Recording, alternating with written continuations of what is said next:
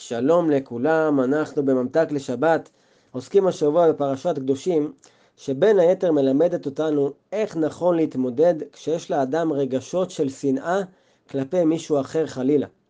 אז נביא בזה מספר עקרונות חשובים. אחד, לא לקלל. מעבר לזה שלקלל זה ממש איסור תורה, בפרשה שלנו מוסבר טעם נוסף. הפסוק אומר לא תקלל חירש. אז אפשר להבין למה לא לקלל אדם ששומע, אבל מה הבעיה בלקלל חירש? הוא הרי לא נפגע, הוא בכלל לא יודע על זה. את התשובה נותן לנו הרמב"ם. הרמב"ם מסביר שהתורה לא עסקה רק במקולל בלבד, אלא גם במקלל. כי כשאדם מקלל הוא מזיק גם לעצמו, בכך שהוא הופך לגס רוח וממש משחית את הנפש שלו. כלומר, לנקוט ברע כלפי האחר משפיע בהכרח רע גם עלינו. העיקרון השני אומר, לשקף לאדם שהוא פגע בנו. הפסוק אומר, לא תשנא את אחיך בלבביך.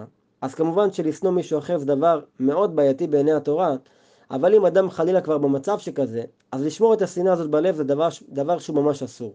ולמה? אחד, הרבה פעמים שמירת השנאה בלב יוצרת באופן טבעי נתק בקשר. אנחנו נוטים לחשוב שהנתק הזה דווקא ייתן לדברים להירגע ולשקוע, אבל צריך לדעת, בפועל ואקום בקשר קלוקל רק מעצים את הרגשות הקשים עוד ועוד.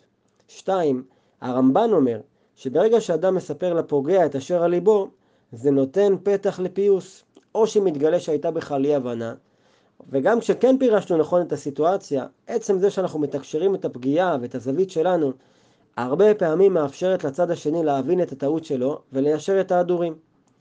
העיקרון הבא אומר, לא תיקום ולא תיטור. כידוע, התורה אוסרת לנקום באדם שהזיק לנו, עד כמה שזה קורץ לנו. אז מה כן? שלמה המלך מלמד אותנו מהלך שהוא מהפכני.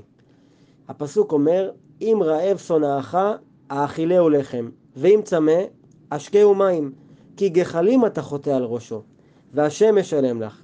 כלומר, מה תהיה הנקמה שלך באותו אדם, במרכאות? שתעשה בעבורו טובה, למרות שהוא עשה לך רע. לא מתוך חנופה או רפיסות, ההפך, מתוך חוזק ועוצמה פנימית של לבחור בטוב גם בנסיבות שכאלה. וככה לא רק שאדם יוצא גדול מהחיים, פורץ את הגבולות שלו עצמו, אלא שהוא גם מרוויח פה מצוות חסד וגם שכר מהקדוש ברוך הוא. ואפילו דבר נוסף, הוא מרוויח פיוס ושלום עם אותו אדם. כי ברוב המקרים אדם שעשו לו טובה כבר לא יוכל לנקוט ברע כלפי אותו אדם. אז נכון שלא קל לעשות צעד שכזה, אבל התועלות הן עצומות בהתאם. העיקרון הרביעי והאחרון אומר להתפלל על טובת האדם השנוא. בגמרא מסופר שבסביבתו של רבי מאיר בעל הנס היו אנשים רשעים, בריונים, שהיו מצערים אותו הרבה. עד שרבי מאיר מבקש עליהם שימותו. אלא שאשתו ברוריה יעצה לו לשדרג את התפילה שלו עליהם. היא הדגישה שיש פסוק בתהילים שאומר, איתמו חטאים מן הארץ. כלומר, הפסוק לא אומר שאיתמו חוטאים מן הארץ, אלא החטאים שלהם. ולכן התפילה לא צריכה להיות שאותו אדם שנוא יעלה מהעולם, אלא שהחטאים שלו ייעלמו. להתפלל על זה שהטוב שבתוכו יגבר על הרע שבתוכו. ואכן רבי מאיר שמע לעצת אשתו, וכך עשה. אז נאחל לכולנו שלא נדע שנאה בכלל, אלא רק אהבה ואחווה בין כולם. כן, יהי רצון. שבת שלום ומבורך.